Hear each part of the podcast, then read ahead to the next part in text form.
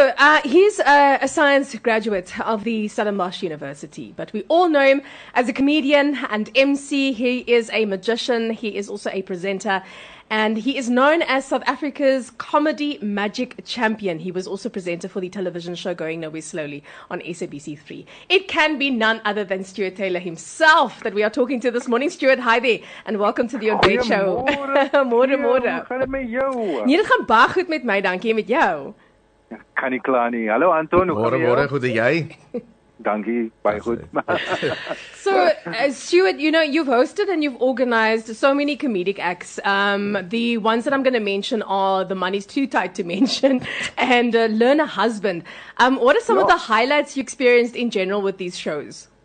Oh, you you you take me back because I Mm. mean I, I I long for the days of being back on stage doing those Mm-hmm. shows. Um, ach, you know what? For me, I've I've always kind of just tried to um.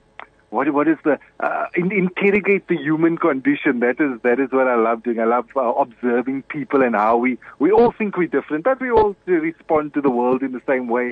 So I love to find those little idiosyncrasies that we have and point them out. And when you've got a liquor audience in front of you and they're completely diverse, they're diverse in ages or, or backgrounds, but they all they're all nudging each other for the same things. Then I'm like, ah, okay, we, we we're talking about what it's what it's like to be human. So that's kind of that that's that's pretty much where I've always pitched what I do.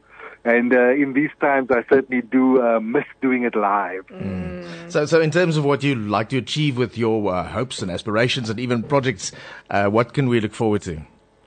Well, there's a couple of things on the horizon. I mean, we've really uh, we've taken to heart that idea of pivoting and putting our business online.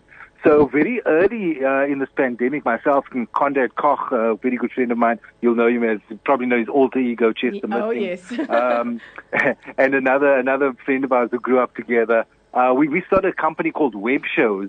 Uh, so you can go and check out our, our website, webshows.co.za. And literally that's, uh, it, it, the name explains what we do. We do shows on the web. Lots of corporates have been, have been using us.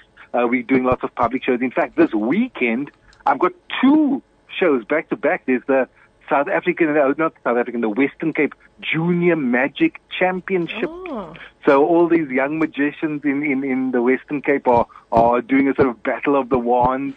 and what would normally be a live event, we're now hosting as an online event. So that's very exciting. And we, we use the tech to kind of uh, engage with the audience and have like little audience polls. So for the first time, for example, we've got an audience choice award that gets to happen because you get to vote for your, your favorite act.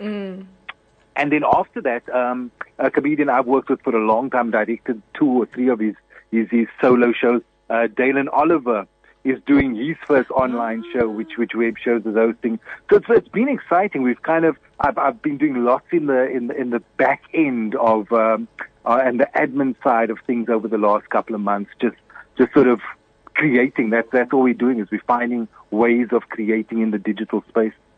It sounds so exciting, Stuart. Um, but I want to find out from you, you know, especially during this time uh, that we've experienced. I mean, it was it was quite a knock for the entertainment side of the industry itself. You know, faith is such a big part of our lives.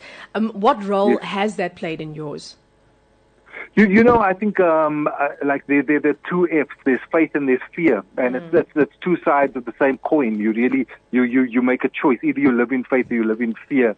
And uh, I think you you know I really just embraced this as a. I mean, when when the first uh, lockdown started. Uh, I was I was very naive. I honestly very naively went into it thinking, you know, it'll be 21 days, it'll be great. I'll I'll exercise every day and I'll use it like I'm in my own personal ashram. I'm not leaving the house. I'm I'm just I'm I'm just retreating from the world and just gonna gonna enjoy that time with my family. And that was uh, that was the first sort of two weeks went by, and then we realized, yo, things are that that's when everything started getting cancelled. You know, all the all the theater dates that were coming up started being cancelled in that first two weeks. And then we realized, well, I mean, this this is uh, our entire industry has, has been obliterated. But you know, um, what what is amazing is how supportive people were when I did my first online shows. Um, people really came to the party, and I think that that that's been a beautiful thing um, to experience when you say, "Hey, man, I'm going to do something."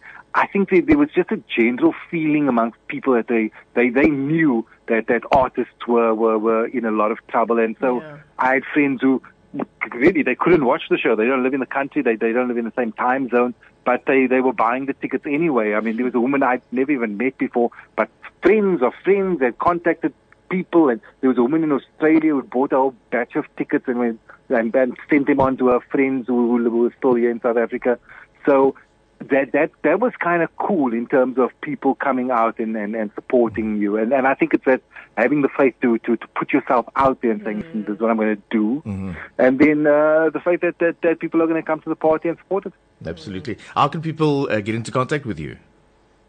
You know what the easiest thing is always on my social media pages. I I I say that and I'm giggling because I I, I literally have been on a bit of a social media sabbatical for the last Oh, uh, two weeks or so. But but but I mean I, when I say sabbatical, I, I just haven't posted. It's uh, there's there's been lots of negativity and so much so many crazy things happening that I I have not posted anything.